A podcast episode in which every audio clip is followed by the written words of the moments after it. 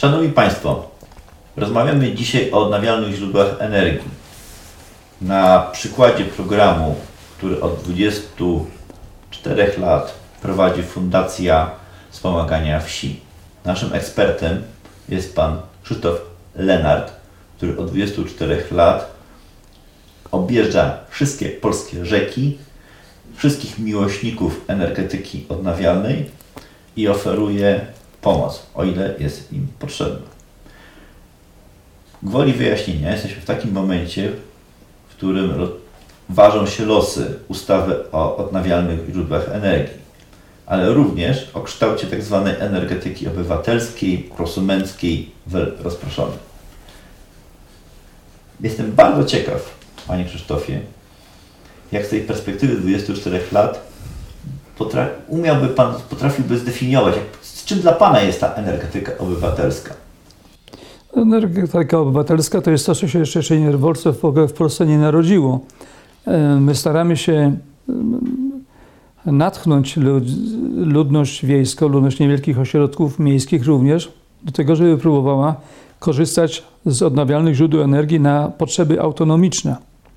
To znaczy, żeby nie produkować energii na sprzedaż, bo to najłatwiej, ale y, biorąc pod uwagę skalę przedsięwzięcia, które oni są w stanie uradzić finansowo i technicznie, żeby próbowali e, wykorzystywać właśnie autonomiczne, niewielkie źródła energii odnawialnej, takie jak wodna, energia słońca, ewentualnie niewielka siła wiatrowa.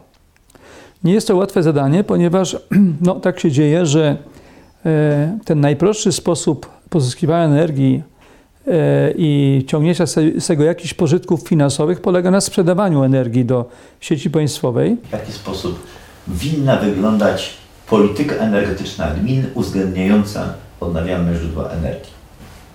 To za dużo chyba słowo polityka, dlatego że ich... Czy za duże, jak nie za duże? Taki jest obowiązek. Każdy samo, jednostka samorządu terytorialnego ma mieć dokument pod tytułem polityka energetyczna.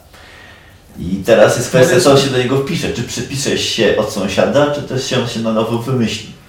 Co byśmy no, mogli poradzić? A więc jeżeli chodzi o, y, o pozyskanie energii ze źródeł odnawialnych, najprostszym sposobem jest spalanie biomasy. No bo drewno jest biomasą, jest to energia odnawialna, jak wiadomo.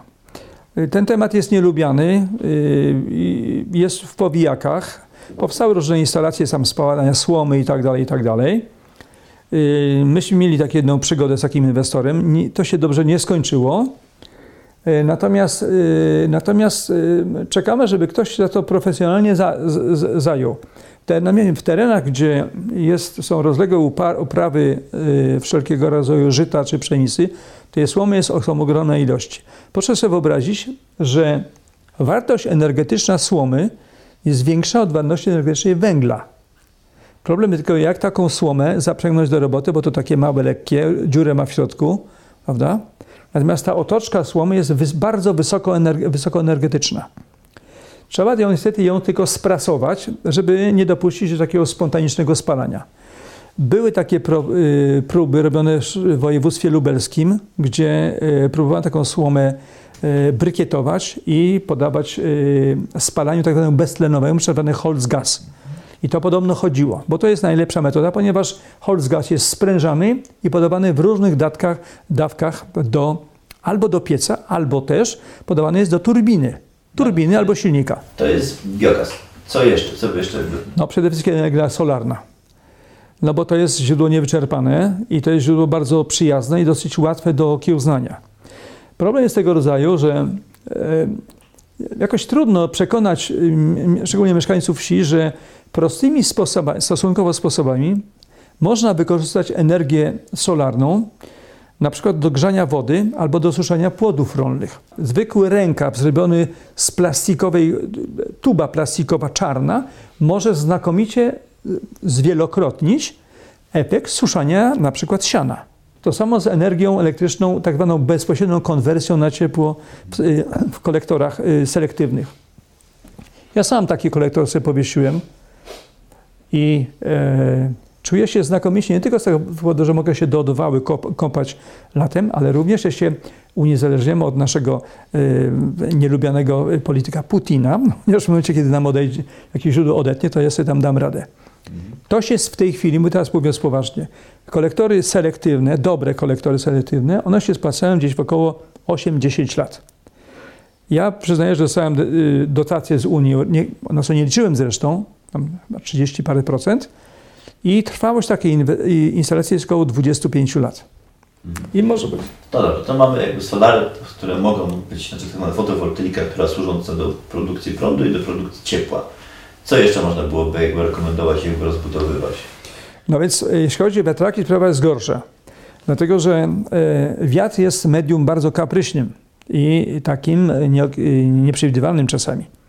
E, profesjonalne turbiny wiatrowe o mocy już w tej chwili do 3, do 3 MW nawet sobie wiele nie robią z podmuchu wiatrów. Jest to system automatycznego naprowadzania na wiatr, odpadania od wiatru, i to, ale to są, to są instalacje, które, których koszt wielokrotnie przewyższa możliwości gminy. Zostaje nam jeszcze chyba geotermia. A co pan powie o geotermii?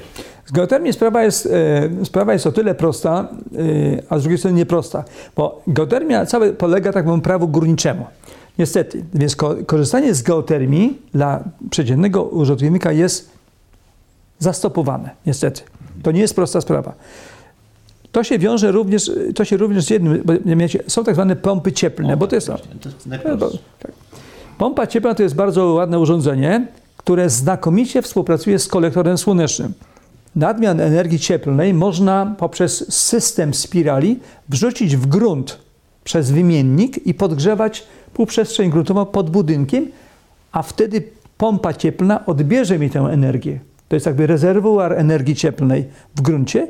Ja to sobie zimą odzyskam i będę z tego miał energię do ogrzewania domu. W tej sytuacji ma Pan dom tak zwany zeroemisyjny, czyli niskoemisyjny albo Oczy, dom oczy, pasywny? Oczywiście, to nie jest dom pasywny. To jest, to jest hybryda, która polega na tym, że, mamy, że to jest rezerwuar, bufor energetyczny, który działa w ten sposób, że w sytuacji, kiedy ja mam nadmiar energii z energii solarnej, mam powiedzmy 4 metry kwadratowe kolektora, o 12 w południe 22 czerwca naleją mi 4 kW mocy. Cały czas, no powiedzmy, powiedzmy w przedziale 3 godzin, 4 godzin.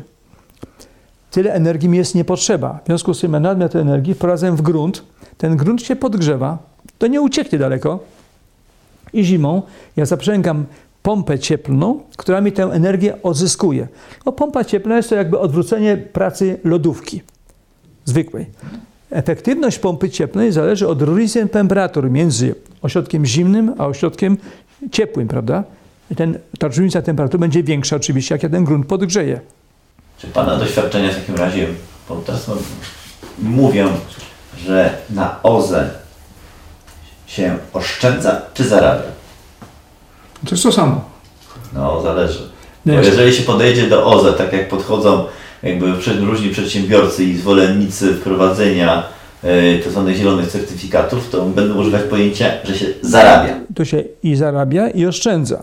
Oszczędza się dlatego, że pan nie, nie, pan nie czerpie energii e, z, z, sieci państwowej, a ta energia jest droga, mówię 60 groszy kilowatogodzina kosztuje już, a jednocześnie oszczędza pan, jeżeli pan, ma pan turbinę, prawda, która produkuje, no, no, produkuje energię.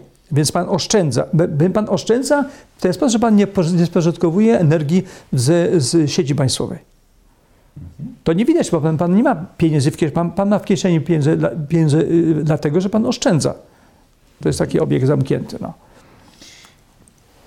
Omówiliśmy różne rodzaje energii odnawialnej. Pozostaje ta, która panu najwięcej życia zabrała, czyli energetyka wodna. Jak, jakie Pan widzi perspektywy dla, dla tej małej energetyki wodnej, dla tych właśnie MEF? Duże możliwości wykorzystania niewielkich cieków, szczególnie w górach, tam gdzie można bez rujnowania środowiska naturalnego yy, zainstalować niewielką turbinę wodną prostej konstrukcji, która mogłaby zaopatrywać dwa, trzy gospodarstwa wodne w, w czystą energię cieplną chociażby, żeby nie palić opon. W Polsce nie budujmy wielkich hydroinstalacji, bo na to rozumiem już nie ma miejsca. Nie ma.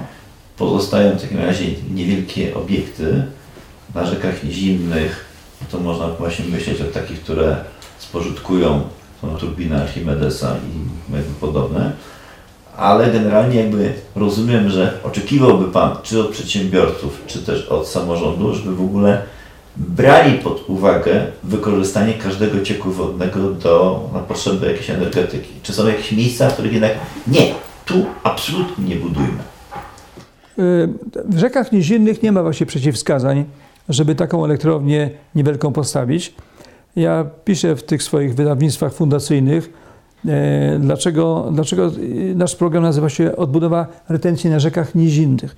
No dlatego, że rzeka nizinna przez swój charakter, przede wszystkim charakter ichtiofauny oraz spadku podłużnego powoduje, że ta retencja życiodajna jest rozległa, bo to jest teren płaski.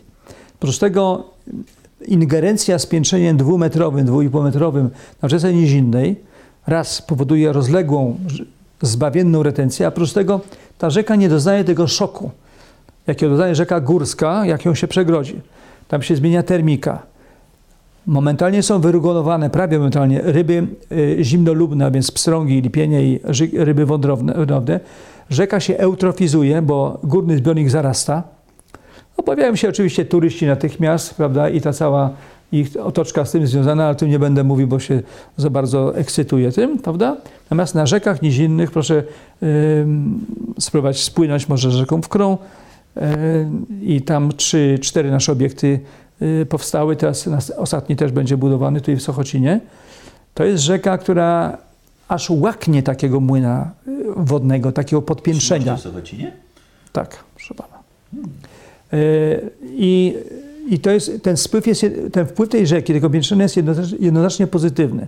Daje czystą energię, daje dużą retencję i lekko na tym stopniu dywersyfikuje warunki yy, życia biologicznego pozytywnie. Ono je wzbogaca. Tam powstają siedliska różnych wielkich ryb, które mogą przypominać wędkarzy, tam szczupaki, jakieś sumy inne.